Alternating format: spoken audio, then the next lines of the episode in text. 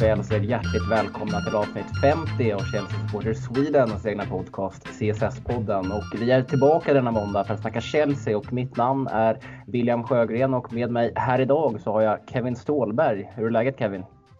Ja, det, men det är bra. Jag är lite eh, halvkrasslig. Jag har varit lite sjuk hela veckan, men eh, man krigar på och försöker kurera sig så gott som det går hemma och eh, samtidigt så är det massa plugg och jobb så man får bara bita ihop och hålla käften och sluta klaga. Det är ett nytt år, nya möjligheter. Hur är det själv? Jag hörde av dig innan att du är lite småirriterad i halsen och har spelat in halva kvällen redan. Ja, precis. Det är, det är som det är. Vi har, vi skulle, planen var att vi skulle spela in runt eh, 8-9 någon gång. För jag går kvällstid i skolan just nu, men jag blev kvar ända, ända i skolan ända fram till klockan 9 och nu är klockan 21.40.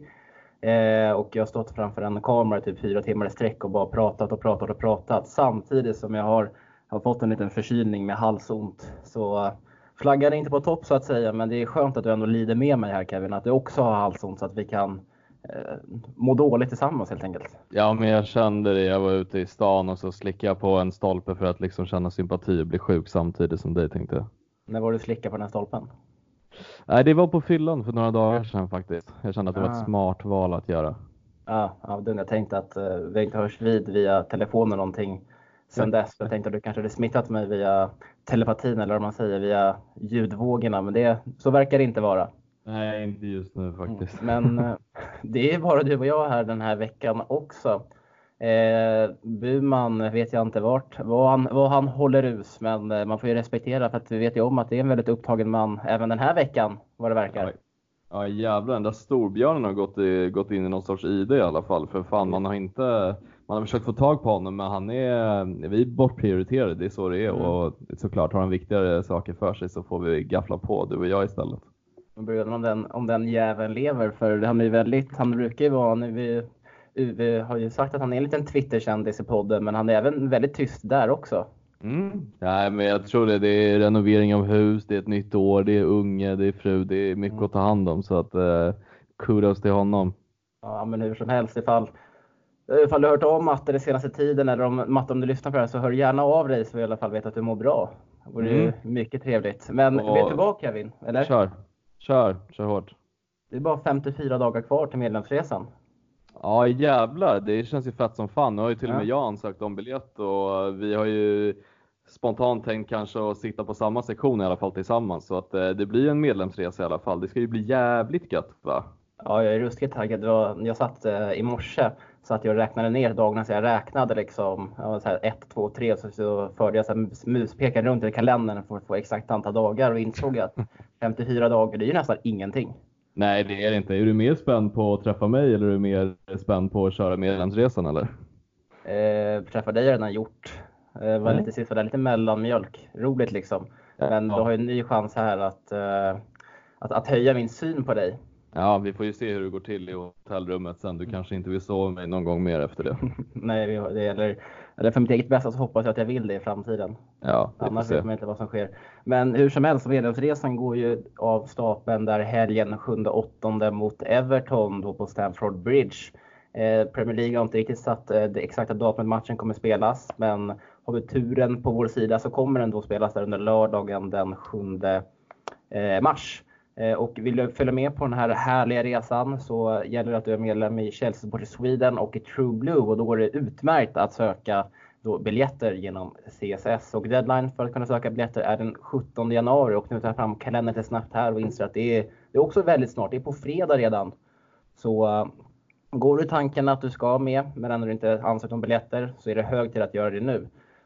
För uh, ja, Kevin, vad utlovar du att göra inför de som hakar på på Vinnarresan? Vad ska du vad lovar du helt enkelt?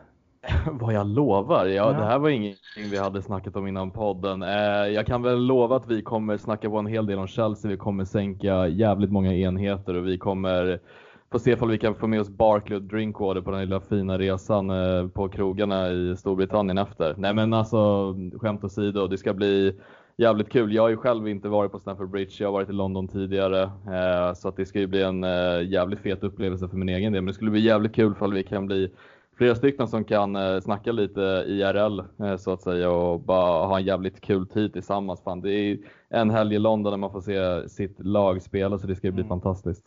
Ja exakt och så gör det tillsammans med massvis av andra svenska Chelsea-supportrar. Jag tror det kommer bli en riktig toppenresa och ser verkligen fram emot detta. Så Deadline 17 januari som sagt och hur du söker biljetter det finns att läsa på vår sida på Svenska fans. Och sen vet jag även att både Oskar Karlström och Daniel Johan uppdaterar den artikeln frekvent och delar på sociala medier. Så det är bara att hålla utkik eller, utkik eller leta upp det på vår sida.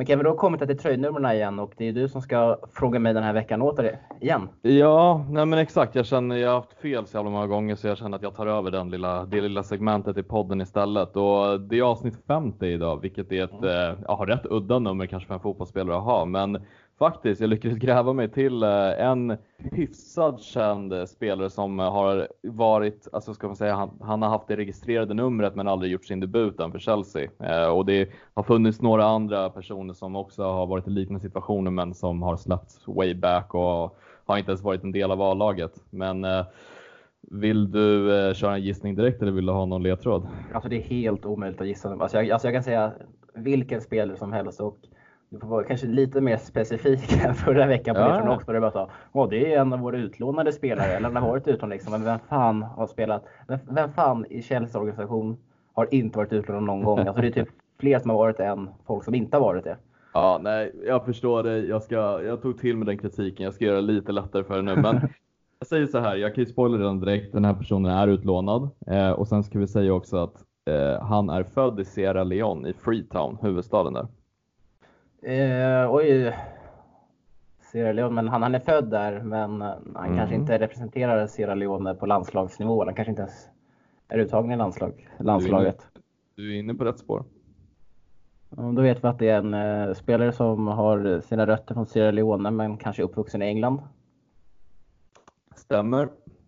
Stämmer och uh, det säger mig faktiskt ingenting. Okej, okay, då kan vi röra oss vidare. Han är defensiv mittfältare eller mittback? Eh, jag, vill ju, jag vill ju säga typ eh, Ampadu, men han hade vi ju liksom för något avsnitt sen tror jag. 44 mm, eller vad han Nej. Eh, jag kan säga så här, han är utlånad, han är utlånad till en Championship-klubb som uh, havererar just nu i botten. Eh, vilka har vi där? Vi har, nej, Conor Gallagher kan inte härstamma mm, från Sierra Leone och han eh, jag kan inte spela mittback. Bottenlag, nej, den sista ledtråden får du Ja, men då, då ger vi den ganska lätt ledtråd. Han har en brorsa som har varit i Chelseas akademi också. Okej, rent spontant då så känner jag att vi har två alternativ här. Antingen är det någon av McEachran-bröderna eller så en av Chalaba-bröderna. Det stämmer. Vem och, kan det vara? Då säger jag det är Trevor Chalaba. Ja, helt ja. rätt. Så om jag hade varit med, om den här frågan hade kommit på, på, på spåret så hade jag tagit typ två poäng av tio. Eller ja, jag inte det fungerar. Riktigt, riktigt ja, ja. jävla botten, bottengissning. Men äh, det är inte så jävla lätt att veta. Han, äh, han har som sagt aldrig gjort sin debut för Chelsea, men han bar det här tröjnumret förra säsongen eller förra, förra säsongen och äh, det var egentligen den enda spelaren som hade något typ av rykte som man skulle kunna ta på rak arm. Liksom. Annars var det någon John Swift tror jag han hette som ja. spelade i Reading eller något sånt. Ja, men bara på rak arm här när vi presenterar agendan, kan du berätta lite, eller vet du lite hur det går för Trevor Chalaba i den klubben mm. han är utlånad i? Ja, men han är utlånad till Huddersfield och Huddersfield som klubb går ju jävligt jo, kast just nu. Nu när du säger det, jag följer ju Paolo Ferreira på Instagram och han är ju eh, ansvarig. Han, är, han, är, han har någonting med scouting att göra i Chelsea. Han mm. åker runt och kollar på utlånade spelare. Jag såg på Instagram att han la upp bara för någon vecka sedan att han var besökte Huddersfield och Chalaba. Mm, ja men alltså det går ju bra för honom. Han är lite in och ut i startelvan, men han har varit mestadels i startelvan. Men Huddersfield som klubb har ju haft jävligt mycket problem efter de kickade Wagner och åkte ner i Championship. Det är ju ett jävligt stort glapp liksom. Och de har ju alltså tampats rätt rejält i botten och nu har de ju anställt de här Crowley-bröderna som hade Undrar om det var, ska vi se, Bradford kanske det var, eller någon av de här uh, League One-klubbarna. De gjorde ju någon succé i FA-cupen tror jag var. De gick rätt långt ett tag och det är två tvillingbrorsor som är up and going som tränare där och de har ju försökt ratta Huddersfield och försökt få dem upp i tabellen men det går jävligt segt för dem. Men för Trevor tror jag att det går lite sådär. Han har blandat och gett i bättre sina, sina matcher vad jag har förstått det som. Så att vi får väl hoppas att han får erfarenhet. Men han får starta mestadels av matcherna vilket mm. är bra för våra unga talanger. Ja, det är ändå, ändå bra. Eh, även fast jag gör inte så stora värsta förhoppningar för honom så är det väl ändå bra att han ändå fått ta en startplats i ett eh, för detta Premier League-lag som bara åkte ut förra säsongen.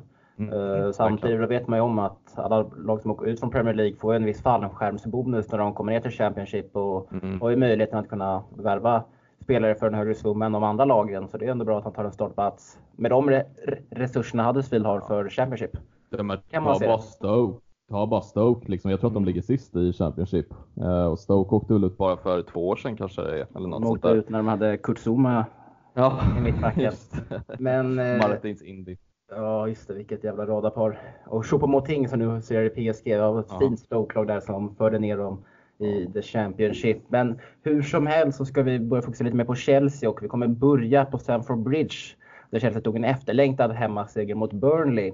Sedan kommer vi röra oss vidare någon mil sydväst där Chelsea Ladies pulveriserade stackars Bristol City med hela 6-1.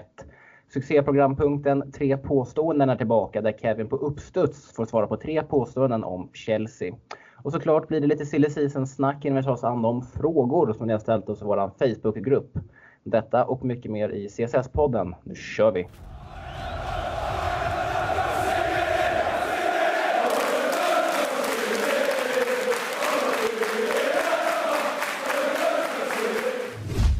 Inför matchen mot Burnley låg Chelsea på en 14 plats i hemmatabellen i Premier League och nu fick man äntligen en efterlängtad seger på hemmaplan där Chelsea inte vunnit sedan den 4 december i ligaspelet. Man höjde också lite på ögonbrynen när man inför matchen fick se både Ross Barkley och Andreas Christensen från start, Kevin. Ja, nej, verkligen. Speciellt Ross Barkley. Christensen har jag förstått det lite som att Lampard vill matcha in lite mera. Men eh, att Barkley fick chansen, ja, det, gav, det bar ju frukt som man brukar säga till sist tycker jag. Jag tycker Barkley gjorde en hyfsad match för att vara hans standard i alla fall. Mm, innan vi rullar vidare på det spåret så vi hade inte vunnit i ligaspelet sedan den 4 december. Vet mm. du vilka vi besegrade då? På hemmaplan? Mm. Oj, oj, oj, Lite frågesport här nu. Ja jävlar, måste tänka efter. Jag har inte så många matcher man hugger och mm. kollar på. Uh, hemma, vänta, vänta, vänta, du får inte gå vidare än. Du måste tänka till här i två sekunder. Så du skämmer inte ut dig ifall du inte tar det bara så du vet? Jag många vet. matcher. Men vänta, jo det var... Fuck, jag hade det på tungan. Men det var Aston Villa Kevin, jag får ursäkta oh, men eh, helvete. vi måste gå vidare. Ja. Nej men det är ju lite som du säger där med eh, att man, jag trodde verkligen att Ross Barkley hade gjort sin sista match i Chelsea efter Nottingham för jag tyckte inte att han var särskilt bra. Och blev väldigt förvånad när jag såg hans namn i startelvan där inför matchen. Men det är också en, går ex, jag börjar tänka lite mer på det här angående de här casen kring Barkley och Christensen och det känns faktiskt som att det är två spelare som Frank, Frank Lampard ändå hoppas på mest just nu i hela truppen.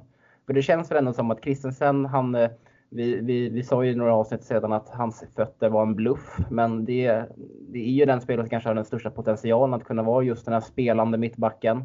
Samtidigt som Barkley kanske är lite, kan bli lite av den spelartyp som Frank Lampard var själv. Ja, och jag tror också, ja, men jag håller med dig på ett sätt. Det är bara att jag har en jävla illusion av Barkley hur han var i Everton och jag tycker liksom det spelsättet han hade där är inte någonting vad han har i Chelsea idag. Jag tycker att han har tappat betänkligt i liksom speed. Jag tycker han har, han har ju lagt på sig en del kilo och blivit jävligt muskulös liksom. Men jag tycker just den här explosiviteten han hade i Everton existerar inte i Chelsea. Det är väl mest det jag liksom gått och trott att det här är en eh, liksom, spelare som har varit i Everton och det tycker inte jag han har varit i Chelsea. Samtidigt så tycker jag att han har utvecklat i alla fall lite sitt passningsspel med. Jag tycker till exempel man kunde se eh, alltså, jättebra krossar ut till kanterna och hyfsad liksom genombrottskraft i mitten och det är någonting jag, man såg lite på försäsongen och liknande men man har inte sett det någonting under egentligen matcherna han har spelat i under den här säsongen. Men Alltså, jag, jag, vet inte, jag står lite fast fortfarande vid att jag tycker Barkley inte är en tillräckligt bra truppspelare ens för Chelsea. Samtidigt, jag är ändå liksom glad för honom att det på något sätt i alla fall går uppåt och inte neråt i hans karriär. För jag tror inte hans framtid är i Chelsea oavsett hur han presterar kanske de här matcherna som kommer. Men jag tycker ändå fint att Barkley i alla fall på något sätt eh, försöker i alla fall ta tag i sin karriär. Till skillnad från en uh, viss Drinkwater i Aston Villa till exempel som ja, herregud, gick ju käpprätt åt helvete. Ja, alltså det jag var tvungen att tweeta om det. Jag tweetar nästan aldrig, men alltså, det var bland det värsta jag har sett. Alltså. Eh, ja, jag håller med. Alltså, de här, de får ta på sig nästa båda de här. Jag stängde av i halvtid ska jag erkänna, för jag kände inte att det var någon vidare spänning för att kunna eh, locka kvar mitt intresse. Men man såg de där två första målen, hur han gör bort sig, den Drinkwater där. Det är mm. svårt att se, men fortfarande förståeligt med tanke på hur omatchad han ändå må vara. Ja. Eh, ja, men jag delar lite den synen du har på Ross Barkley också. Alltså jag blir ju väldigt glad när han väl gör en bra insats. För vi såg hur bra han var på start i, under försäsongen. Och vi vet hur bra han var i Everton, men riktigt inte fick, han, han, men han har inte riktigt håll, hållit den här jämna nivån som krävs i Chelsea för att han ska kunna, kunna vara en bra truppspelare eller en startspelare till och med. Ehm, och ja, vi men, dömde ut ja. lite hans karriär här också i podden, att han kanske har gett upp den lite med tanke på att han inte helt nått nivån han hade innan sin svåra knäskada. Ja, nej, men jag håller med. Och jag, det, är liksom, det jag ändå uppskattar är att han på något sätt försöker kriga sig in i startelvan igen. Men alltså, det jag känner lite dilemmat är att vad, vad är han, 25, 26 någonting 26. där och han har fortfarande, ja, och inte, fortfarande inte hittat någon typ av jämn nivå och har varit väldigt in och ut i startelvan och verkligen så dalar upp och ner. Det är väl det jag tycker är lite oroväckande för en liksom, spelare som är 26 år gammal. Då tänker jag att man börjar komma till en peak i sin karriär där man kanske börjar hitta jämnheten i spelet och jag tycker liksom inte att jag ser den potentialen Barkley hade i Everton. Men återigen, kan han vara någon typ av utfyllnadsspelare, inte sitta på en alltför hög lön? Absolut, matcha in honom lite. Men jag ser ju liksom att man kan värva andra centrala mittfältare, för det finns det fan gott om i fotbollsvärlden som kan vara en bättre truppspelare än vad Barkley är. Jag menar kolla på typ Conor Gallagher som gör det bra i utlåningen och sen har vi ju till exempel ett wildcard i Atalanta. Eh, vad heter han nu igen? Fan den där, hjälp Pasalic. Pasalic som jag tycker också, nu tror inte jag någonsin att han kommer komma till Chelsea, men jag menar att vi har fortfarande spelare som vi kan använda oss av och vi kan även värva in spelare som jag tycker är bättre än Barkley. Men ja, brittisk spelare liksom, det kan ju vara bra att ha i truppen också. Mm, ja, för eh, statistiken och fylla den här uh, homegrown-kvoten som man behöver ha ett visst antal spelare för att kunna mm. få registrera en trupp till ligan. Jag vet inte om det samma gäller även i Champions League. Det kanske någon kan kolla upp. Eh, ja, men eh, Nej, men för mig är jag i alla fall slutat hoppas på Barkley i alla fall. Men jag blir såklart väldigt glad när han levererar och jag tycker han gör en helt okej insats mot eh, Burnley. Och samma sak lite med Christensen. Jag delar lite det där. Han känns alldeles för vek för att kunna prestera på en jämn och hög nivå som Premier League kräver. Eh, ja, och sen alltså, som vi säger, här, hans för, fastnings, ja, kör. Nej, men jag, behöver bara flika in med att liksom, jag tänker att Christensen är någon jag inte ser som har en, alltså jag tycker att han har otroligt hög potential, men jag tycker inte Premier League är en liga som passar honom. Alltså då är det mer den tyska ligan eller spanska, italienska där det inte är lika mycket fysik man behöver använda sig av. För i brittiska fotbollen så är det ju tufft och som mittback så ska det ju vara rätt rippad. Liksom. Christensen går ju runt som ett skelett på planen och har ju knappt muskler att kunna använda sig av. Han har en viss snabbhet, hyfsad i duellspelet och nickspelet liksom, men han behöver ju biffa till sig och nu är han också uppe i en ålder där man känner att han måste lägga på sig lite kilon och jag, jag bara känner att ligan just passar inte honom. Sen har han potentialen, men eh, jag tror inte heller att det är i brittiska ligan. Nej, men man vet ju samtidigt också som vi är inne på hur desperat Frank Lampard ändå är att få in en spelande mittback. Eh, mm. Alltså helt ärligt så har ju både Rydiger och Kurt Thomas framförallt uppspel och crossbollar har ju varit helt åt helvete den senaste tiden. Och då måste ju få in en förändring och det är väl helt rätt från Frank Lampard att då återigen testa Christensen på den positionen och se om det har blivit någon förändring. Han fick mm. ju ett nytt nummer inför säsongen för att Frank Lampard sa att ja, nu är det en ny säsong. Eh, nu har du nya chanser här att kunna repa dig. Jag tror väldigt mycket på dig. Men han har inte levererat, vilket är tråkigt nog. Men var ändå helt okej okay mot eh, Burnley. Men där tycker jag att vi lämnar kanske Ross och Andreas Christensen och inte fokuserar så mer på den enskilda spelarna. Om vi kollar på matchen i sin helhet då Kevin, vad såg du från Chelseas sida? Ehm, jag tycker att man kunde se två helt olika halvlekar av Chelsea. Jag tycker första halvlek så har vi, alltså enligt mig i alla fall, vi pratade lite du och jag om det här löst när vi surrade lite i Facebook-chatten, men jag tycker att ett och 2-0 är rätt mycket flyt. Jag tycker till exempel straffen som William får med sig är en bluff. Jag tycker inte att det är en straff. Jag tycker liksom att Lowton kommer med en glidtackling. Ja, det är kanske lite dumt, vårdslöst liksom, men jag tycker att man kan se tydligt på reprisen när han drar in foten, William lutar ut sin högerfot och får kontakt med honom och faller liksom innan ens han har nuddat benet. Så jag tycker vi har jävligt mycket flyt med oss, men jag tackar gärna för straffen liksom. Det är, det är sånt man får se som en fördel att domaren missar och att VAR missar också tycker jag är konstigt. Men fuck it, vi får 1-0. Sen tycker jag 2-0 det är, vadå? det är en målvaktstavla av Pope och då har vi ju 2-0 då är det omöjligt för Burnley att komma igen. Eh, för Burnley är ju också ett lag som är just nu en riktigt nedgående trend. Alltså de, de har ju förlorat fyra raka nu tror jag. Det snackas ju om att Sean Dice för en gångs skull kanske är på väg ut för att eh, fortsätter de spela så här så kommer de ju åka ut. Eh, ja. Men eh, sen tycker jag bara lite snabb reflektion av andra halvlek. Jag tycker vi gör en mycket, mycket bättre andra halvlek. Jag tycker verkligen samarbetet mellan James och Hudson Odoi är fantastiskt att se. Jag tycker Hudson Odoi och James var ju matchens bästa spelare enligt mig. Och som de var mot Nottingham också. Mm. Jag vill bara förlira vilket jävla dassgäng Burnley ändå är. Fyra raka förluster ja. och har mycket skador kanske ska tillägga. Eller mycket. De har ju på lite Gudmundsen och Barnes, deras bästa målskytt, är borta. Men eh, ja, men lite som du säger där också, alltså straff jag tycker ändå att det är en solklar straff. För att säga, även fast William tillägger och Lowton ändå försöker att eh, dra bort benen för att undvika att dra på sig en straff, men han är inte tillräckligt kvick i det. Eh, och William som vi vet ändå är väldigt snabb med fötterna. Han hänger inte riktigt med där Lowton ändå. Det är väl ändå det som gör att domaren efter lite valkoll kollar på straffen. Eller mm. dömer straff. Samtidigt ska vi ändå ha med oss där att Burnley fick en, boll i mål som ändå blev offside strax innan Chelseas ledning i mål. Efter, ja det var väl också på den här millim, eller på centimetern att ja. Tammy Abraham gjorde så att, eh, vem det var, eh, var onside. Mm. Hendrick eller vad fan det var. Hendricks, ja. Hendricks.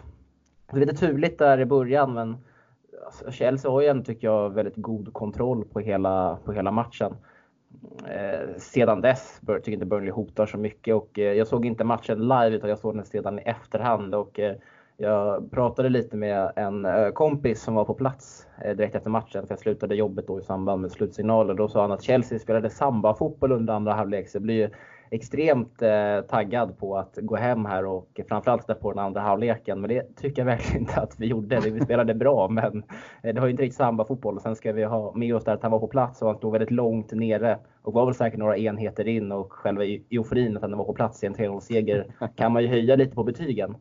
Ja. Eh, men jag tycker ändå att vi spelar ändå visar upp lite fina, kom, lite fina kombinationsspel i andra halvlek. Rhys James och Callum Hansen-Doy hade ju lite lekstuga på högerkanten och Chelsea borde ju ha vunnit den här matchen med 4 eller 5-0. Ja, nej, definitivt. Och nu sitter ju vi här och är kritiska poddare liksom och poddar om vårt lag vi verkligen gillar. Men det är klart att vi bör ha suttit mer chanser tycker jag i andra halvlek och sen tycker jag alltså, personligen att vi, vi gör faktiskt en halvlek som symboliserar de halvlekarna vi har haft mot Bournemouth och Southampton i första halvlek. Men vi har ju flytet med oss den här gången och får med oss bollar som, som går till vår favör. Att vi får en straff och att vi får en målvaktstavla och det gör ju att vi vinner matchen och sen kan verkligen spela ut. För i andra halvlek så spelade vi ju helt avslappnat. Vi hade inte den här stressen och den här pressen och fansen var liksom väldigt högljudda andra halvlek till skillnad från första halvlek där det var liksom tyst, det var lite konstigt, vi liksom fick inget tryck på Burnley. Som du säger så kontrollerade vi matchen men vi var inte effektiva innan vi fick våra mål. Men ja, som sagt i andra halvlek tycker jag att vi lyfter oss allihopa och jag tycker Mount borde gjort ett mål minst. Abraham missade ju en solklar nickchans som borde varit mål och det är väl lite där vi kan fortfarande slipa på. Jag har ju sagt tidigare att jag tycker verkligen att Abraham bör liksom förbättra sin statistik med att sätta chanserna när han får dem lite mer effektivare. För jag tycker att det behövs ibland några för många chanser för honom för att han ska bli en supereffektiv striker. Mm. Det kommer ju nog säkerligen komma. Det handlar lite om rutin också. Eh, men hur mycket tror du att det spelade in att, eh, att Kanté saknades och Kovacic var på bänken? Ross Barkley kom in och det var ju ett lite mer offensivare Chelsea om man bara ser till startelvan. Det måste jag ändå säga att jag gillade. Jag gillade det jävligt mycket personligen att vi eh, väljer bara att ha en defensiv mittfältare och två rätt så offensiva mittfältare. För både Barkley och Mount är för mig tior i grunden och jag tycker att det är är någonting som passar oss när vi har eh, ett lag vi möter som Burnley är. De är ju ett lågt stående lag som gillar att spela fysiskt. Och det här är någonting jag tycker vi borde verkligen använda oss av i matcher där vi möter typ lag som Bournemouth och Southampton som backar hem eller mot egentligen de flesta lagen förutom topplagen då, som möter oss på Stamford Bridge som brukar backa hem. Och jag tycker det är någonting jävligt effektivt att göra att vi har två centrala som jag tycker Barkley framförallt den här matchen gjorde det jävligt bra med att han tog liksom explosiva löpningar i mitten. Jag tycker Mount Mount är jävligt bra på att hitta ytor bakom backarna och i det här hålet, men Barkley hade en annan explosivitet från mitten, att han kunde accelerera lite förbi spelare som mm. Kovacic ibland kan göra, men han gör inte det lika mycket längre. Jag tycker Barkley gjorde det faktiskt jävligt bra den här matchen. Mm, jag ska inte dra för mycket av en enskild match, men Frank Lampard kanske har hittat nyckeln här nu när eh, vi möter väldigt eh, mycket sämre lag på hemmaplan som kommer backa hem och det känns som att det kommer det kan bli ännu bättre när Ruben Loftus-Cheek är tillbaka också. Och att mm. kunna byta ut honom och kanske en Barkley eller mot en Mount. Det kommer ge oss en ny dimension även fast jag inte tror Ruben. Att, att, Ruben kommer eh, eh, var så himla nyttig för oss just den här våren. Kanske ja. lite senare. Ja, men jag tycker, jag vill bara säga, jag tycker ju verkligen att alltså, en person som verkligen passar i det här spelsättet och i sådana här matcher, det är ju Ruben på det sättet att man behöver den här explosiva mittfältaren som är, alltså han har ju kombinationen av teknik och styrka och Barkley är en liten mini-Ruben, inte sett till kvaliteter men kanske sett till hur deras fysik är med att båda är rätt köttiga och kan springa lite mer än vad typ Mount kan göra med sin fysik. Liksom. Så att eh, mm. Ruben är välkomna tillskott när han är tillbaka. Mm. Eh, absolut, vi ser ju att Chelsea vann ju också skottstatistiken där med 18-7 mot Burnley. Eh, men om vi ser också till Hudson Odoi nämnde vi att eh, Reece James och Hudson Odoi hade lekstuga längs högerkanten. Eh, Hudson Odoi fick ju även göra sitt första Premier League-mål och det mm, höjde, fick mig höja lite på ögonbrynen för det känns ju som att han har gjort det tidigare men det är ju bara i diverse kupper han har gjort mål eh, innan den här matchen. Ja, nej, verkligen. Det höjde en del på ögonbrynen. Jag såg också att eh, det var några lyssnare som hade skrivit i eh, det, för frågorna till det här avsnittet att vi borde säga till alla haters liksom att nu är Kalle Mattsson och tillbaka och jag vill bara säga till allihopa som har tvivlat på honom, sätt er ner i båten för att han kommer utvecklas den här säsongen. Många har liksom snackat om att han ska lånas ut eller att han inte förtjänar sitt kontrakt. Fuck det där. Alltså han kommer utvecklas under Lampard. Sett till hur Lampard väljer att satsa på unga talanger. Varför skulle Callum Hudson-Odoi må bra av en utlåning eller spela på ett annat ställe? Jag tror att det här är perfekt för honom. Att han får en tränare som förlitar sig på unga spelare och, får, och att Callum Hudson-Odoi får lära sig av en sån som Lampard. Alltså tänk dig själv att ha honom som tränare. Jag tror att mm. det kommer bara bli bättre under säsongen. Jag tycker han har visat både mot Nottingham och i den här matchen mot Burnley att han är, han är verkligen på uppgående form just nu tycker jag. Mm, vi får se. Det känns som att det är en väldigt humörspelare. Att han gör han en bra insats så kommer det komma fler bra insatser ifrån honom. Eh, det mm. enda jag kan vara kritisk mot Hudson då, det är kanske som jag tror kanske det var snudda lite vid förra avsnittet. Det kan vara lite hans mentalitet när det går lite tyngre för honom. Men, eh, så det är bara det, lite, lite där jag oroar mig. Men det kommer väl lite också med åldern. Han är ju väldigt ung, väldigt ivrig. Eh, och, eh, Knäpp en bira och äh, var lugn Wille. Ja, men jag, jag är klart man ska kunna se det, se det här, ta av Chelsea-glasögonen och se det lite mer, lite mer konstruktivt. Och det är väl ändå det, enda det jag oroar mig över. Men samtidigt som jag sa, han är ung, han kommer att lära sig. Det bara, han gäller, gäller bara för honom att lära sig att hantera hans motgångar. Så jag tror att han kommer ha en alldeles lysande framtid framför sig. Mm, eh. Men eh, härligt Kevin. Tre poäng. Tre och, eh, poäng. Eh, vi kan ju bara nämna här att vi är ju upp, inte uppehåll inte, men det, eller det känns som ett uppehåll med tanke på att vi kommer från den här intensiva julperioden, att det varit matcher var, var tredje dag i princip. Och nu är det inte match förrän på eh, lördag igen då Newcastle väntar på bortaplan där vi brukar ha det tufft. Vann dock med Sarri där förra säsongen. Eh, men sen efter det så är det veckomgång i Premier League och då väntar ju Arsenal och eh, vad som är extra bra med det är ju att Aubameyang drog på sig rött kort mot Crystal Palace och således missar den matchen mot Chelsea då på Stamford Bridge. Ja, alltså jag var ju jävligt snabb på att skriva till mina två storebrorsor som är Arsenal-fans att det där var det dummaste han kunde göra. Dels för att det är en sån jävla nonsens situation att dra en sån tackling på, men också att han missar matchen mot oss. Och äh, jag vet inte, det känns väl som att Aubameyang är väl den som har varit den absolut bästa spelaren i Arsenal den här säsongen, så att det glädjer mig. Ja, och lite märkligt, ännu märkligare blev det lite senare under lördagskvällen tycker jag, där Andy Robertson inte åker ut eh, i Liverpool efter typ en exakt liknande situation. Ja, jag såg inte den matchen. Vad nej, men, nej, han eh, fick lite bollen till långt ifrån sig och går all in med sulan först och eh, domaren och de kollade inte ens på VAR utan jag tror det blev inte ens gult kort. Och det jag vill lite komma lite till där, det är att jag tycker att Liverpool har fått extremt mycket VAR-beslut med sig den här säsongen. Jag vet kanske inte har med Chelsea att göra, men Chelsea och Liverpool spelar i samma liga, Premier League, så det på, på något sätt så är det kopplat till Chelsea. Jag blir så fruktansvärt less bara på Liverpools fördelar. Så jag tycker att de är Europas bästa lag, till och med världens bästa lag just nu, men alltså tabellen har varit mycket jämnare om man ser till säsongen i sin helhet. Om mm. inte de hade fått alla sådana här beslut med sig. Och sen behöver det inte betyda att ett rött kort på Robertson innebär att Liverpool tappar poäng, men det höjer ändå chanserna till att de gör det samtidigt som man vet om att de har fått en del beslut med sig de, under de tidigare matcherna under säsongen.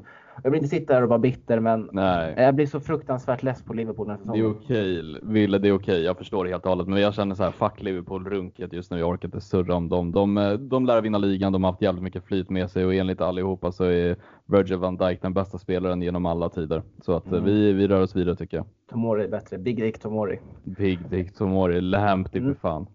Lamps. Ja, hur, eh, vi, kan, ja, vi kommer in lite på hans senare när vi snackar lite silly season kanske. Men om vi ska röra oss vidare till Chelsea Women så var det en match som jag såg här under gårdags eftermiddagen och eh, gjorde inte du va Kevin? Så du skulle Nej. fråga mig några frågor angående den matchen. Ja men exakt, jag har ju varit en busy man jävligt mycket Ja. sedan årsskiftet. Men jag, jag kände att fan, det, jag kan inte på mitt ansvar i alla fall att fråga dig lite om matchen eftersom du har sett det. Jag såg även att du skrev en rapport på Svenska fans vilket var jävligt flitigt av dig som, som krigar på med plugg och jobb och sjukdom och allt. Ja, men det är väl lite terapi att man får sätta sig och kika lite fotboll och sen skriva lite, skriva lite på svenska fans.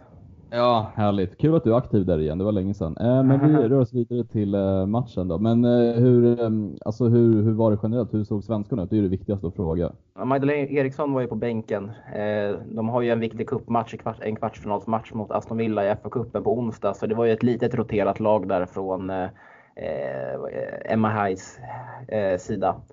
Eh, men Jonna Andersson bidrog, var, var bra. En frisk fläkt längs vänsterkanten och eh, bidrog faktiskt med en assist där till 6-1 målet. Var aldrig nära själv på att hänga den men en bra insats från henne. Och sen ska vi samtidigt komma ihåg att Bristol City ligger på nedflyttningsplats med fem Mm. inspelade poäng, bara vunnit två matcher. Man har dem på hemmaplan.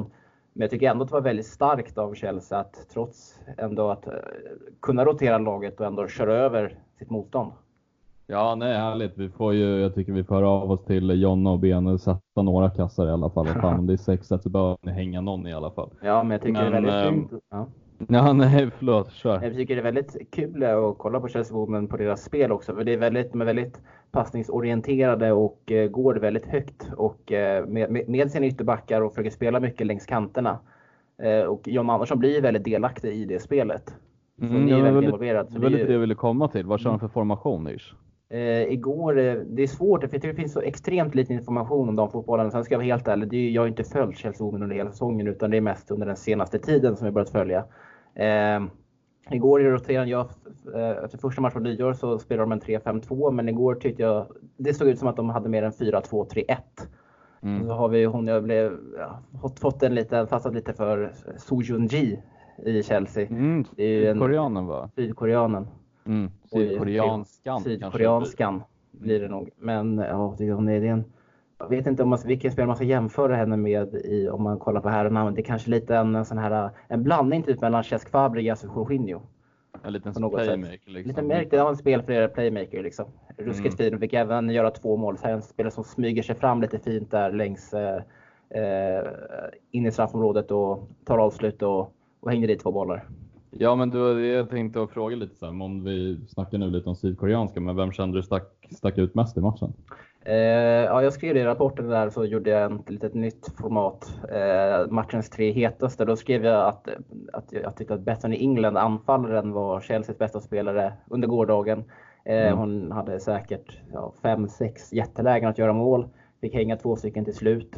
Eh, och det känns som, för Chelsea har ju precis tagit in eh, Samantha Kerr från eh, Australien eh, en av världens bästa anfallare som har kommit in och ska konkurrera nu med, eh, med, med England. Men det känns ju bara som att hon har, hon har höjts utav detta och, eh, och, och sen, eh, Samantha Kerrs ankomst så har hon ju varit, har hon hållit en ruskigt hög nivå. Var riktigt bra igår, var in, involverad i det mesta. Stor, stark, använd, gillar att spela mycket med huvudet eh, Och Ja, är som en targetspelare, En liksom. targetspelare liksom som ändå är bra på mycket annat också. Hon, Eh, kom ner och hämtade boll och kunde driva upp den själv och fördela ut den till sina lagkamrater. Hon var liksom lite överallt och Är det lite väldigt imponerande. Vi har där?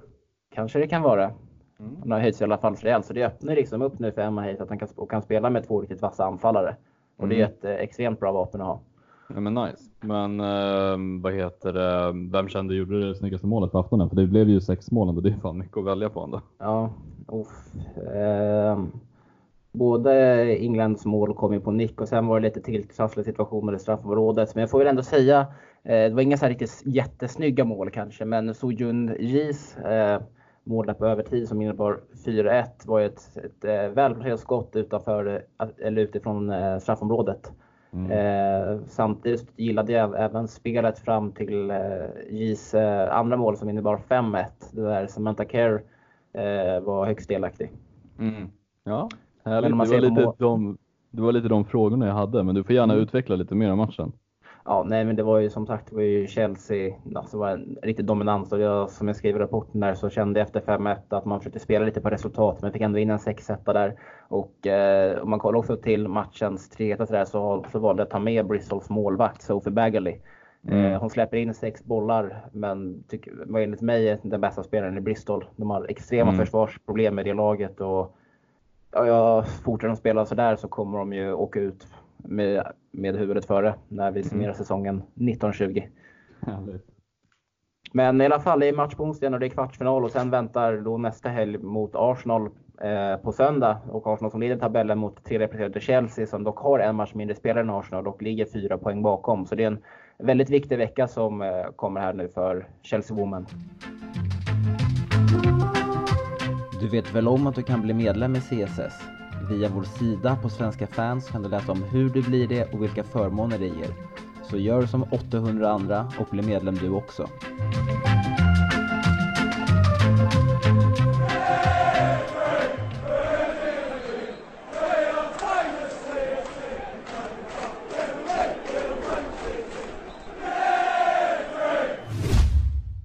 Och för ett par avsnitt sedan i december någon gång så lanserade vi en ny programpunkt som heter Tre påståenden och det har inte riktigt eh, varit ett återkommande inslag men vi ska försöka i alla fall när vi är två stycken som sitter här och surrar att eh, ta med den så att, vi, så att det blir lite mer, eh, inte utfyllnad tänkte jag säga, men jag tycker, för jag tycker verkligen att den här programpunkten är lite intressant och man kan tänka lite outside the box. Men det går i alla fall ut på att jag kommer presentera tre påståenden som Kevin kommer att få svara på uppstuds. Och det kan vara och eh, de som jag skrivit behöver inte betyda att jag tycker det, utan det är lite mer som jag har hittat när jag skannat av sociala medier eller, eller kanske någonting som jag faktiskt går att fundera på själv. Eh, mm. om vi tar den första då Kevin, är du redo? Jag är född redo, kör hårt. Chelsea kommer inte att tappa sin fjärde plats under våren utan kommer vara fortsatt topp fyra när vi går in i, när säsongen är slut. Värvar vi inga så jo, det kommer vi göra. Kort och konsist, men jag tror verkligen att vi vi, um, alltså, du tror att om jag, vi värvar spelare så kommer vi tappa topp 4? Nej, nej, nej. Jag menar mer att kommer vi få in någon typ av offensiv kraft så tror jag att vi kan ha kvar vår fjärde plats. Men jag tror om vi inte värvar någon så kommer vi tappa vår fjärde plats. Det är lite mm. mer så jag menar. Har jag misstolkat frågan då eller? Nej, bara om de kommer tappa den. Om vi kommer, eller kommer ligga topp 4 resten av säsongen.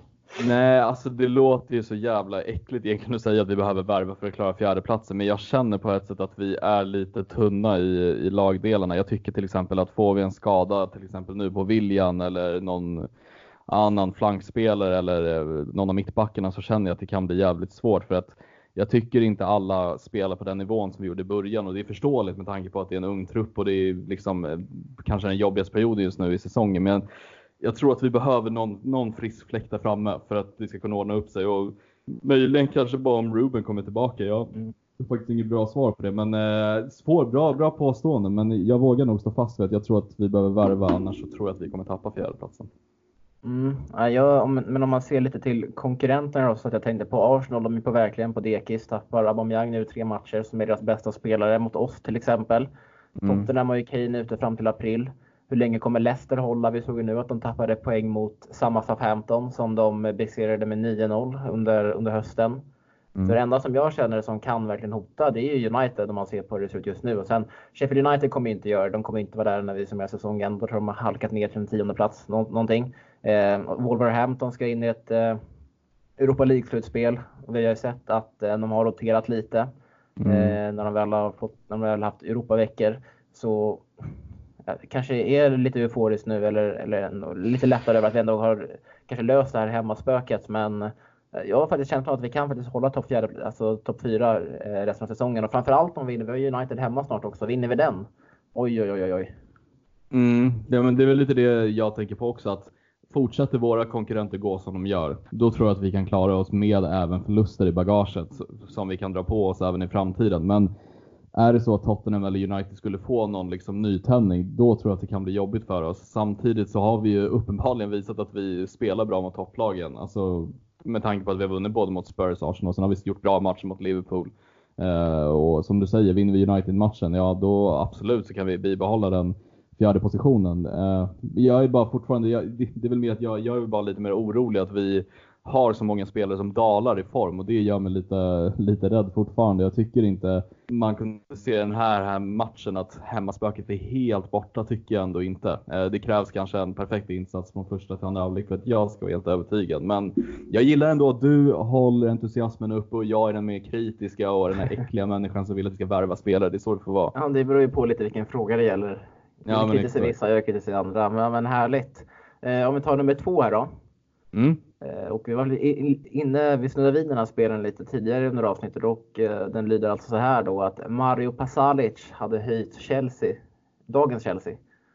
Oh, alltså jag tror inte han hade höjt kanske hela dagens Chelsea, men hade definitivt höjt i alla fall våra centrala mittfältare lite mer tror jag. Alltså jag hade ju gärna skeppat Barkley för att få in Pasalic på mittfältet och det ska vi inte heller glömma också, Pasalic är en jävligt användbar spelare i de flesta positioner. Han har ju, som Atalanta brukar göra, de har ju värvat, eh, de har ju den här Josip Ilicic och Papa Gomes och alla de här sköna lirarna som, som har börjat sina karriärer som så centrala mittfältare som har successivt arbetat sig uppåt och blivit tior eller släpande anfallare. Och Pasalic har ju även blivit liksom inkluderad i det. Han har spelat på kanten, han har spelat tia, han har spelat på det centrala mittfältet.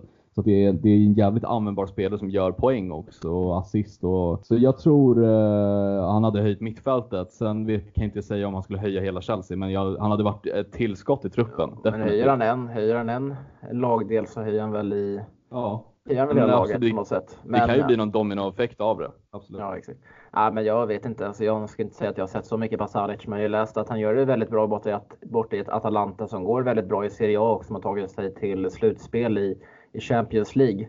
Och mm. det var väl du som satt lite som, jag minns att du sa det för några, några månader sedan att de, Atalanta hade väl, han är utlånad från Chelsea dit just nu. Mm. Eh, men att Atalanta har någon form av utköpsklausul ja. som är rätt låg. Ja, men exakt, jag läste någon artikel om det att nu vet, vet inte jag hur väl det stämmer. Jag vet inte den exakta summan heller, men jag vet att de har satt ett jävligt underpris på honom och han har ju varit utlånad flera säsonger. Jag tror inte att de tänkte att det här skulle bli någon typ av hit för honom att lånas ut till Atalanta, men han har ju varit ordinarie och gjort det jävligt bra. Så att, vad jag har förstått det som så har de en låg utköpsklausul och Atalanta har ju fått pengar också med sitt Champions League-inträde. Så jag tror att de kommer kunna köpa loss honom utan problem. Det är lite ja. det som sticker tyvärr. Ja men precis, det är en startspelare där liksom och kan de lösa honom för en billig peng så tror jag absolut att de kommer göra det. Ja. Eh, men eh, ja, jag tror också att han hade höjt vårt mittfält lite mer att kunna byta ut honom mot till exempel en eh, Ross Barkley ja, som, som är en, en truppspelare som kan komma in i vissa matcher och göra det bra och spela från start i eh, Då har han sin kro kroatiska polare också på mittfältet. Ja, Kovacic. Mm. Mm. Eh, om vi kommer till den sista då. Mm. Eh, och eh, lyder alltså så här. Eh. Reece James hade varit en startspelare ifall Sarri hade varit kvar. Oj, oj, oj, oj, oj, oj, oj. Ja du. Nej, men det hade han nog varit tror jag. Jag tror att eh, Sarri hade föredragit en offensivare ytterback som slår de inläggen han gör. Alltså jag tror det. Det känns lite som Sarri-spelsättet också. Eh, jag tänker på dagens Juventus, vilka, vilka det är som spelar högerback där. Uff, måste jag tänka till. Det är väl Quadrado? Ja, Quadrado och Alexandro. Ja men exakt. Ja men Alexandro är ju vänsterback exakt. Mm. Och, ja men precis, de har ju, Quadrado har ju spelat wingback i Udinese när han började sin karriär där. Men precis som du säger så tror jag att han föredrar väldigt offensiva ytterbackar. Och det är Hysaj i Napoli som också var jävligt offensiv, kunde spela på båda kanter. Jag tror, ja summa summarum, ja jag tror att James hade varit en startspelare. Och jag tror för övrigt nu också att James har cementerat högerbacksplatsen. Jag tror inte han kommer tappa den nu. För nu har ju Aspilicueta fått flytta över till vänsterkanten. Och jag ser inte varför man skulle peta James före Aspilicueta om det är så att man väljer att värva in en vänsterback eller ska satsa på Emerson och Alonso igen. För, jag, alltså jag, för mig är det helt orimligt om man petar James i den formen han är just nu. Ja, faktiskt. Det går inte att peta honom just nu. Det är väl, måste ju vara, om man ser som i alla fall de två senaste insatserna, eller jag tycker de tre kanske mot Brighton, Nottingham och mot eh, Burnley här senast, att det kanske är en av de första spelarna Frank Lampard bör skriva ner i, ja. eh, på, på pappret när han tar ut ja. laget. Eh, ja, men också... vem, vem fan är Trent Alexander-Arnold egentligen gentemot James? Ja, hur lång tid tror du det tar? Eller hur lång tid tror du det tar? Som att det är en självklarhet. Men tror du att när kommer Reece James ta, ta, ta ifrån Alexander Arnolds landslagsplats på högerplats, högerbacken där? Eller startplats? Tror du han kommer göra det? Hur går, hur går det för dig med, med talet då? Eh, nej men problemet med det, det är att både Trent Alexander-Arnold och James, båda är ju användbara i de flesta positioner. För Likaså som James, han har ju spelat en del mittfältare, ytterback, wingback, han har även spelat mittback i eh, Chelseas akademi, så har ju Trent Alexander-Arnold varit central mittfältare, ytter och ytterback liksom. Jag tror ju att det är det som, som stör mig lite, att båda är jävligt lika spelare och Trent har ju liksom fått chansen tidigare än vad James har fått, så han har ju ett jävligt långt försprång där. Men alltså, fortsätter James som han gör just nu. Och på den här inslagna vägen bidrar med mer poäng och liksom cementerar sin startplats och petar Aspelekueta, då är det jävligt, då hade jag haft jävligt svårt som tränare att vara Southgate och välja mellan de två spelarna. För att alltså de inläggen James slår och Alexander Trent, eller Trent Alexander, jag hatar hans jävla namn, jag säger bara Arnold istället hans inlägg ska man ju inte heller snacka om. Det är ju också en av världens bästa högerfötter. Men James inlägg som han har haft på sistone, det är fröjd att se. Jag har aldrig, Aspilicueta har ju aldrig varit i närheten av den kvaliteten. Nej, men jag håller med. Jag tror också att om vi ska eh, svara på den frågan som ställdes så tror jag också att Reece James mm. nog hade varit en startspelare i Chelsea ifall han hade varit kvar då. Med tanke också på att vi ändå hade varit under transferförbud och vad man skulle se av Chelsea förra året så ville man ändå spela mycket ut på kanterna men man hade inte kvaliteten riktigt där med de ytterbackarna som fyller på när det kom till inläggsfaser och inspelen. Eh, mm. Så tror jag absolut. Eh, och där tycker jag att vi känner oss nöjda med programpunkten ja. Tre påståenden och rör oss vidare till eh, Kevins favorit eh, fina, punkt här fina i CSS-podden. Ja, silly season va. Och, eh, ja. Ja, du rattar ju i vanlig ordning här då bloggen vi har på Svenska fans. Där mm. tycker jag att man ska gå in och läsa där, för du uppdaterar ju ett par gånger om dagen. Ja, skämtar du eller? Nu, jag har uppdaterat två gånger idag, sen brukar det bli så ofta jag har tid. Men eh, jag siktar på att göra minst en gång om dagen. Det är inte alla dagar det släpps relevanta rykten. Det är vissa rykten som jag inte ens tar med som är bisarra och inte har bra källor. Men vi försöker skriva in så mycket som möjligt så att det blir underhållande och vi får inte glömma att Mattias Henriksson är också med på ett hörn här. Men eh, vi båda försöker så gott vi kan fylla på. Vem vill du höra om? Vill jag höra tycker att vi någon? börjar med Lills mittback Gabriel. Mm, ja men brassebacken va, som, eh, som har varit ett hett villebråd för många klubbar. Det ryktas ju om större klubbar än Lill och det är brittiska klubbar. United sägs vara ute efter honom. United verkar ju hugga på de flesta spelare som finns i fotbollsvärlden. Men det som är väl kanske mest intressant ur ett Chelsea-perspektiv är ju att han har en agent som heter Giuliano Bertolacci och nu vet inte jag om han är italienare eller om han är brasse, men för mig klangar det mer som en italienare som är agent och det som är lite intressant med den här agenten är att han har haft David Luiz, Oscar, Ramirez, William och nästan till alla våra brassar vi har haft som Nathan och eh, Lucas Piasson. Eh, han har ju haft eh, alla de här spelarna när de har gått över till Chelsea. och det går ju rykten om att han har även erbjudit Gabriel då till Chelsea. så mm. att hur mycket relevans det är, det får man alltid ta med en nypa salt när det är season. Men det är en talangfull mittback. Han har ju varit mm. ordinarie Lill den här säsongen och förra. Så att intressant. Ja, jag har faktiskt kollat lite på Lill sen eh, vi mötte dem på Stamford Bridge där i december. Mm. Eh, för jag blev faktiskt mäktad, mäktigt imponerad av han eh, Bobakar Soumaré. Ja. Så jag ville fortsätta kolla lite på honom senare och då har jag lärt mig lite om den här Gabriel. För jag har sett honom nu i tre matcher nu efter, efter Champions League-matchen mot Lille på Stamford Bridge. Och jag tycker det är en väldigt, det blev ändå lite, lite glad över att han börjat lite till Chelsea för jag tycker att det är en väldigt stor och stark mittback som ändå är bra med fötterna också. Mm. Ung talang, ja, född 97. Ja, men jag hade faktiskt varit ställt mig positivt uh, till den värvningen samtidigt som jag också samtidigt är jag också lite kluven för jag vill ju ha in en världsmittback. Uh, så jag vet inte det, men jag tror inte jag hade gråtit floder ifall Gabriel hade kommit in och skulle, och skulle försöka förstärka Chelsea nu under januari. Men det är en bra segway över till nästa rykte egentligen, för vem hade du valt? Mm. Louis Dunk eller Gabriel? Gabriel alla dagar i veckan. Ja, och där kommer... Ja, kör. Det enda som talar för Louis Dunk är ju att han eh, kan Premier League. Mm. Eh, men eh, jag känner inte att Louis Dunk, det, det, det, det är större risk att eh, Louis Dunk är en världsklass mittback i Chelsea. Eller det, vad säger man? Det är, en, det är inte lika stor chans att Louis Dunk är en uh, världsmittback i Chelsea om ett år än vad Gabriel är. Nej, nej, att han har nått sin peak Dunk. Nej men verkligen, och alltså just om Louis Dunk-ryktet. Jag läste, om, läste från några korrar på, på Twitter som korrar för Chelsea som skriver att det här ska vara en bra värvning och jag är verkligen så här, alltså förlåt, Louis Dunk. Ja, alltså det är en bra mittback i Brighton, det är väl en bra mittback för de flesta lagen på undre halva, men alltså för Chelsea och summan är ju bisarr. Det är ju 50 miljoner pund det ryktas men, för. Alltså, så också de, tänkte kan tala ja. lite för Dunken här nu när jag tänker på det att det, var, det fanns ju också en helt okej, rätt bra mittback i Bolton där vintern ja. 2011 eller 2012 när vi hämtade in Gary Cahill, typ nästan exakt lika i samma ålder som Duncan. Men Ville, en halv miljard för Louis Dunk? Aldrig i livet, men jag, jag bara säger det. Ja, nej absolut, jag köper det också. Och, alltså, jag har inget ont om Dunk liksom. Jag tror att han har ju krigat på bra i Brighton. Ja, jag, jag har ingen, ingen emot honom heller. Nej, nej, verkligen. Men alltså en halv miljard lägger jag inte på Louis Dunk om jag skulle vara sportchef. Det är för fan, det är så jävla bortkastade pengar. Så där tycker jag vi rör oss vidare. Ja, som du hörde så började jag garva direkt när du sa 50 miljoner och Lewis Dunk i samma mening. 50 miljoner pund då ska jag tillägga. Så eh, ja, vi rör ja, oss exakt. lite vidare.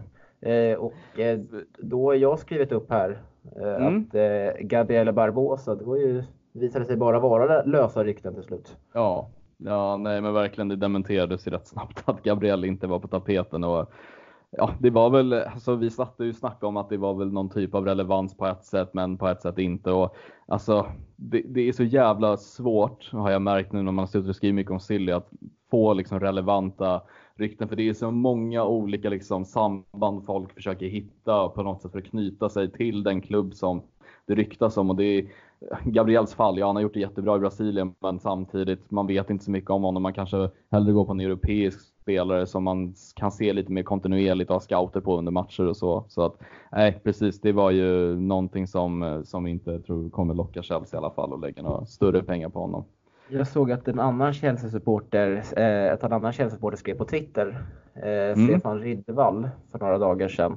Eh, gamla hockeymålvakten? Ja, gamla hockeymålvakten exakt, som jag höll med väldigt mycket om. Och då skrev ni att Moussa Dembélé vore väl en utmärkt värvning för Chelsea för att vi vill inte ute efter någon som ska ersätta Temi Abraham utan någon som kan ge honom en ordentlig, konkur eh, ordentlig konkurrens. Ja, nej, men det stämmer. Alltså, det, det håller jag verkligen med om och jag tycker Alltså min, min favorit och procenthalt liksom på att om vi kommer värva in någon i, i eh, det här fönstret som vi kan snacka mer om sen om vi kommer göra eller inte. Men får jag välja någon jag hoppas på och tror på så är det fortfarande Moussa Dembélé. Och Chelsea vad jag fattade som hade scouter tillsammans med United, Newcastle, West Ham och sen var det en klubb till som hade sina scouter på plats när Lyon spelade mot Bordeaux nu i helgen tror jag att det var. Där gjorde han ju även eh, 2-1 målet som ja, säkrade deras vinst. En klubb som West Ham kan inte vara där för att scouta Moussa Dembélé. Ja, det, det kan de ju. De, ja, men kan, kan de, men det är väl lite, han är väl lite för bra för dem. Ja, alltså samtidigt, de kan ju erbjuda någonting kanske inte vi kan försäkra om. Det är ju speltid. Ja, eh, så är det förvisso. Och det är ju lite, ja, nej, men jag fattar vad du menar, men det är ju lite det som är det som jag tror talar lite för Chelsea, det är att han har spelat för Fulham tidigare. Han har bott i London, han kan engelska, han kan kulturen, han kan ligan. Och jag tror liksom att det lockar väl mer och kanske spela för en klubb som Chelsea i London än West Ham. Eh, mm. Samtidigt så kan ju West Ham erbjuda mer speltid. De kommer se honom som en nyckelspelare medan han i Chelsea kommer bli en konkurrentspelare till Abraham. Men jag tycker alltså vad jag sett av honom eh, och vad jag såg i den matchen mot Bordeaux, alltså han är otroligt fin. Det var ett riktigt måltjuvsmål också han bjöd på när han satte 2-1 målet. Så att jag hoppas verkligen att vi värvar in honom. Jag tror att han har varit ett perfekt komplement. Ja, absolut. Och jag såg någonting också på Twitter här under veckan. Jag vet inte, jag tror ändå var rätt pålitliga källor ändå att Chelsea ändå hört sig för till Atletico Madrid angående att låna yttermittfältaren Thomas Lemar. Mm, det under våren och med någon form av kanske eh, utköpsklausul då till sommaren. Ja precis och där är det också så att vi kommer få betala, nu ska vi se om jag kan ta den här på raka men jag tror det var 8 miljoner kronor pund ska vi betala för lånet. 8 miljoner vi... kronor pund? Ja, vad blir, blir inte 80 miljoner blir då? 80 miljoner svenska kronor. Det är så kul när du sa att ja, det kommer att kosta 80 miljoner ja. kronor pund. Det låter, låter som den jävla SD-tanten som gjorde ja. det. Men eh, nej, okej. Okay. nej, men okej, okay, skit i lånesumman. Jag vet att eh, Atletico Madrid vill ha minst 50 för honom. Eh, oavsett om du väljer att låna honom eller köpa loss honom. Eh, och där ska vi säga också att Tottenham är där och nallar också. Det ryktas om att Chelsea dock ska sitta liksom i förarbåten, men att det är även är andra lag som är ute efter honom. Och varför inte? Han har ju inte varit någon succé i Atletico Madrid, men han är ju ung. Han är ju 23 eller 24 år gammal och han var ju fan en riktigt jävla stor talang när han kom ja. fram i Monaco. Och riktigt Fan, bra var han också. Ja, ja gud ja. jävla nojig för någon sommar sedan när det ryktades väldigt intensivt att han var på väg till eh, Arsenal. ja. Helvete vad jag ville ha honom i Chelsea alltså. Nu har inte alla jävla fransmän ryktas till Arsenal också? Ja, men det är väl, den här Wenger-kopplingen är väl kvar på något, på något vänster. Nej, men det är samma sak, varenda jävla fransman går ju... All, alla, varenda jävla fransman som man vet, eller som ser lite spännande ut men som man vet aldrig kommer bli Ja. någonting, de går till Newcastle. Ja, så är det ju.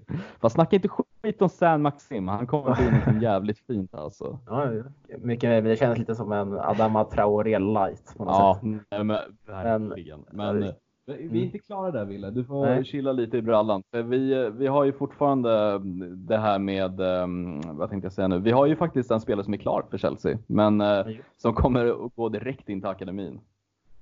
Alltså det är Och- helt, helt sjukt. Varför är det sjukt?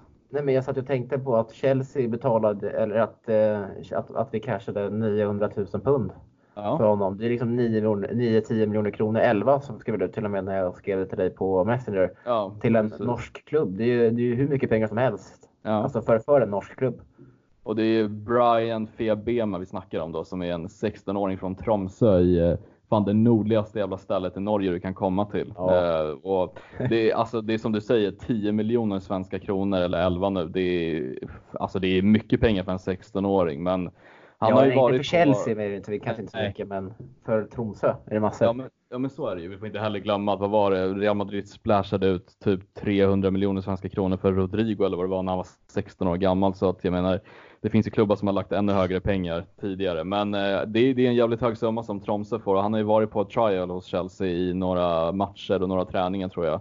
Och har väl gjort så pass bra ifrån sig så att de har ju valt att värva honom. Men eh, han, får ju, han har ju skrivit på ett kontrakt som börjar gälla i februari när han fyller 17. Och då är tanken att han ska börja direkt i akademin och i U18 specifikt.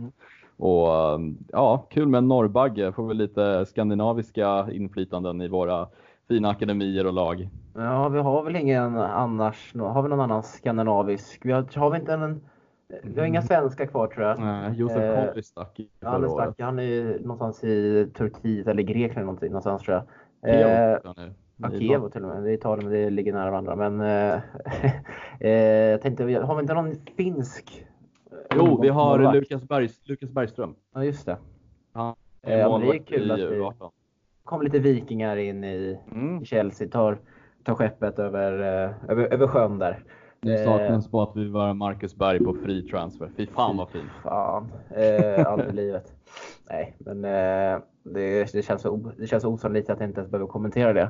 Eh, men ja, i alla fall, det är ju kul att vi ändå är, att det har hettat till lite på transfermarknaden i alla fall. Eh, men innan vi lämnar eh, silly season så tänkte jag bara nämna här att jag såg också väldigt pålitliga rapporter om att Chelsea har kommit lite till det stadiet under transferfönstret att man går lite på tankebanan att man kanske struntar i att värva någon helt enkel med tanke på att man inte har lyckats lösa de som man eh, var ute efter från första början. Alltså ja, nej, jag kan absolut förstå den tanken. Jag tror ju dock att nu är vi i mitten av månaden nästan och jag tror ju att nu sitter man och verkligen försöker förhandla med de spelare man, man sägs jaga. Samtidigt, jag kan köpa om vi inte värvar någon. Eh, jag kan förstå det för att det är januari vi pratar om. Det är extremt svårt att lösa spelare för rimliga summor.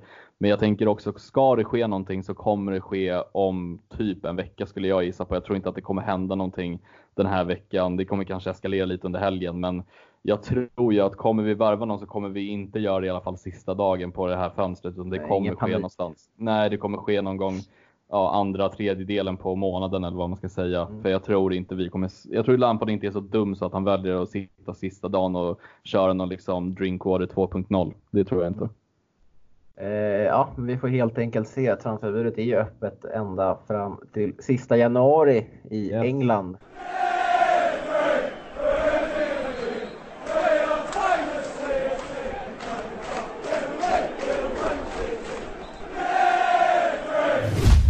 Och som vanligt så har det rasslat in frågor i vår Facebookgrupp som heter CSS-podden och är du inte med där så tycker jag absolut att du ska bli det. Det är bara att man surfar in på facebook.com och sen så skriver man in CSS-podden i sökfältet längst upp på sidan och så får man svara på en enkel fråga så godkänner jag er att eh, gå med i gruppen helt enkelt.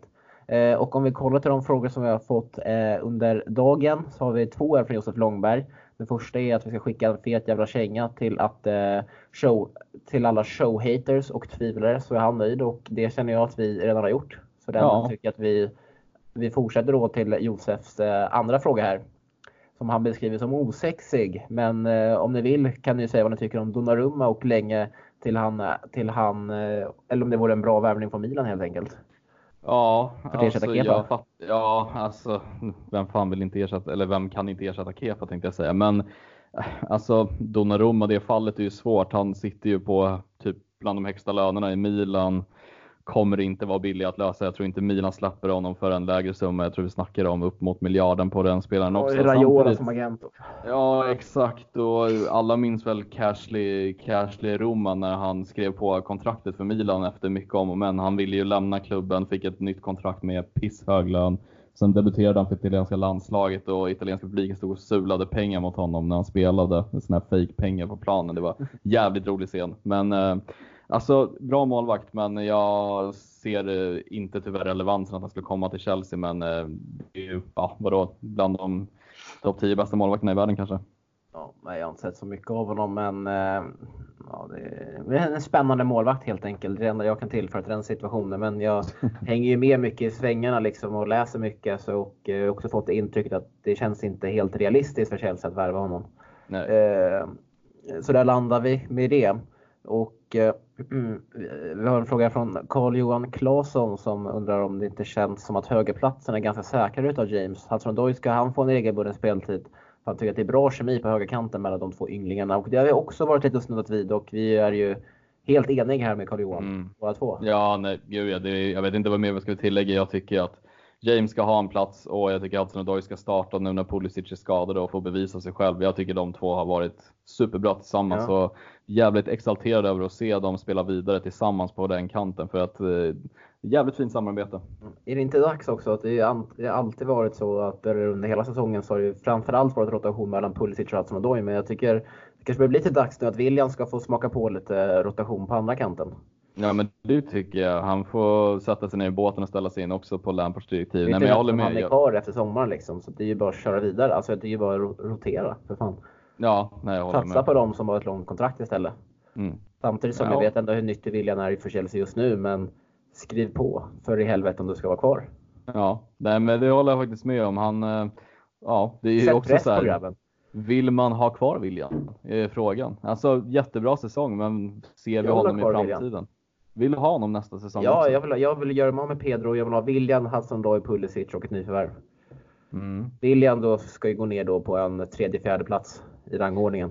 Jag kan ju säga så här, jag har ju börjat ratta Chelsea nu på FM och William, Sancho, Hudson och Doyle Pulisic. Det är en ganska fin liksom, ytterduo man kan swifta på en del. Det funkar bra alltså. Ja, Jag har absolut inget emot den, eh, vad säger man, trion, eh, Ja. kvadretten. Alltså, jag ingen aning. Ja, bra på Eh, ja, men i alla fall. Eh, Mikael Kohlman här. Behöver vi ens värva i januari?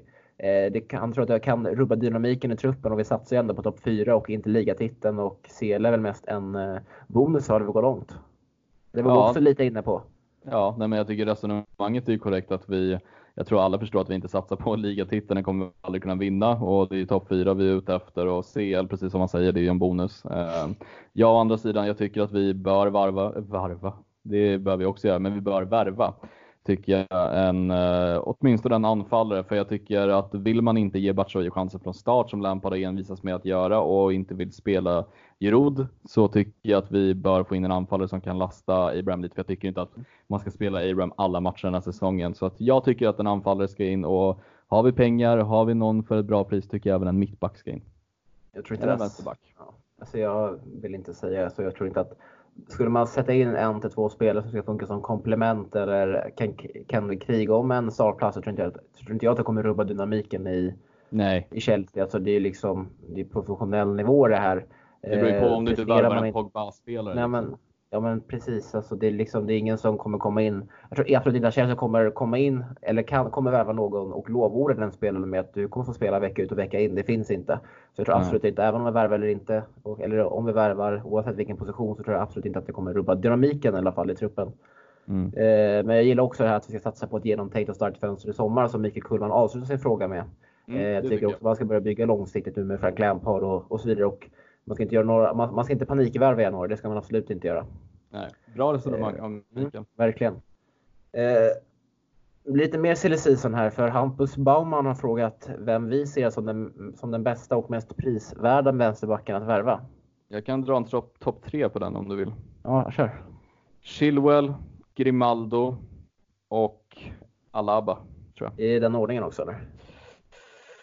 Ja, det skulle jag nog säga faktiskt. Jag tycker Grimaldo är faktiskt uppe och snuddar på Chilwell-nivå. Jag skulle, vänta, förlåt, jag skulle vilja byta ut Alaba till en Alex Tejes istället från Porto. Ja, för jag, tycker att, honom, honom faktiskt. ja, nej, men för jag tycker både Benfica och Porto har ju två vänsterbackar som jag tror folk inte har fått upp ögonen för i Europa. I alla fall vi som kanske bara följer Premier League inte har sett så mycket. Men kolla på lite highlights med Grimaldo och på Alex Tejes. Det är två vänsterbackar som sticker ut i vardera lag och är bärande viktiga spelare i sina respektive lag. Och jag tycker nästan att vi bör kanske vända ögonen ditåt för Chilwell kommer bli så fucking dyr. Och jag tror att för Grimaldo och Alex Tejes kan vi få i alla fall lite mindre än en halv miljard för dem. Eh, och det ryktas om att Grimaldo också är eh, ute efter en ny utmaning och han är ju fostrad i Barsas akademi och Barca är jävligt bra på att fostra spelare, speciellt unga talanger liksom. Så att eh, där bör vi nog eh, kanske kolla och nalla lite.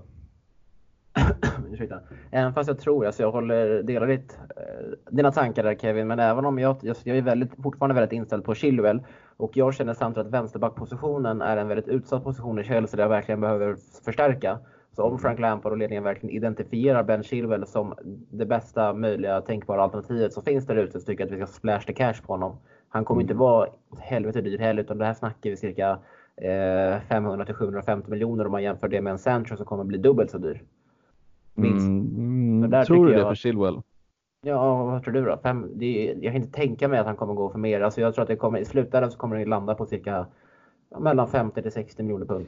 Men säg så här då, vi säger att Shaw är kvar i United. Tror du att han kommer vara en startspelare tills nästa år? Jag tror att United kommer få något psykbryt och försöka värva Chilwell och då tror jag priset kommer stiga från en halv Jag miljard minst till typ 700-800. Utan Mer orolig över att Manchester City kommer gå nalla Chilwell Ja. framför våra ögon. Men eh, Jag tror inte vi kommer sluta på en halv miljard för Chilwell. Jag tror att det kommer komma upp till 700-800. Det är, alltså det, det är i alla fall magkänslan. Men sen hoppas jag jag att jag har faktiskt varit helt okej med den summan för Chilwell om vi skulle få honom. Om, med med de, de argumenten som jag nyss nämnde om. Eftersom jag tycker att vänsterbacken är så, är så extremt utsatt i Chelsea att vi, liksom det, är där, det är lite där som är våran akilleshäl har varit under säsongen sedan Emerson blev sämre efter sin skada. Mm. Eh, och jag, tror, jag tycker inte att han har visat här senare heller att, eh, eh, att, att han verkar komma upp i den nivån och kan bibehålla den också under en längre tid. Ja, Eh, men jag, jag låter, jag låter dig eh, avsluta det resonemanget på ett Ja. övertygande sätt faktiskt. Jag hoppas alla andra också blev lika övertygande. eh, men Balsar Högman Brandhall skriver Barkley, bra insats sist. Killen har nio liv. Kan det vara en bra truppspelare ändå? Och eh, han har väl redan slejat lite här i inledningen av avsnittet. Vi tycker att han kan vara en bra truppspelare men inte mer och framförallt inte sen när Ruben Ottersi kommer tillbaka. Ja, nej, jag behöver inte säga någonting mer. Jag håller helt med där. Eh, Marcus Skönneby har ställt en liten fråga som eh, man kan kategor- kategorisera som lite off topic. Man undrar hur lång en vetelängd är och eh, då kan väl bara jag ge ett kort svar där att eh, ja, det beror på helt och hållet hur lång man bakar den. Eller har du något annat svar Kevin? Nej, du eh, känns mer som en wife än vad jag är, så du får ta Mm. den. Ja men det är liksom det beror mycket, mycket, in, mycket ingredienser du har i smeten och hur lång du väljer att eh, kavla ut den så att säga. Eh, så den kan bli fett lång. Eh, Josef Långberg då? Vem har egentligen biggest dick i Chelsea FC? Och så har han taggat dig. Ja, såklart blev jag taggad på den. Ja, Men vad fan, vad har vi för lirare vi kan tänka oss? Jag kan tänka mig att eh, Mount känns som han sitter på en liten prinskorv. Eh, tror jag att, jag tror att Zoom och Rydiger är inte är roliga att leka med, så de kan nog sitta på riktiga Det är snablar. så jävla Alltså. sjukt alltså. Sitta här och diskutera kukarna i Chelsea. Ja, men Eh. Josef måste ju få ett svar på det där. Jag tycker frågan är fantastisk. Nej, men jag tror jag vågar nog lägga min röst på att Rydiger bär nog den största jävla snabeln i Chelsea. Sen tror jag Zuma är titt som tätt därefter och hakar på gubben. Det kan ju inte vara lite så att det kanske är den som man trodde minst ha, eh, hade det ändå har det. Tänk om Mason Mount ändå sitter där med värsta... Att det, ja, det är väldigt tungt där i brallan liksom. Lägger den på Billy Gilmore i sådana fall. Sitter säkert Ja. på en riktig skotsk jävla Mars bar eller någonting. Ja, ja men eh, mycket härligt att vi kan sitta och diskutera lite kroppsdelar i, i Chelsea-laget.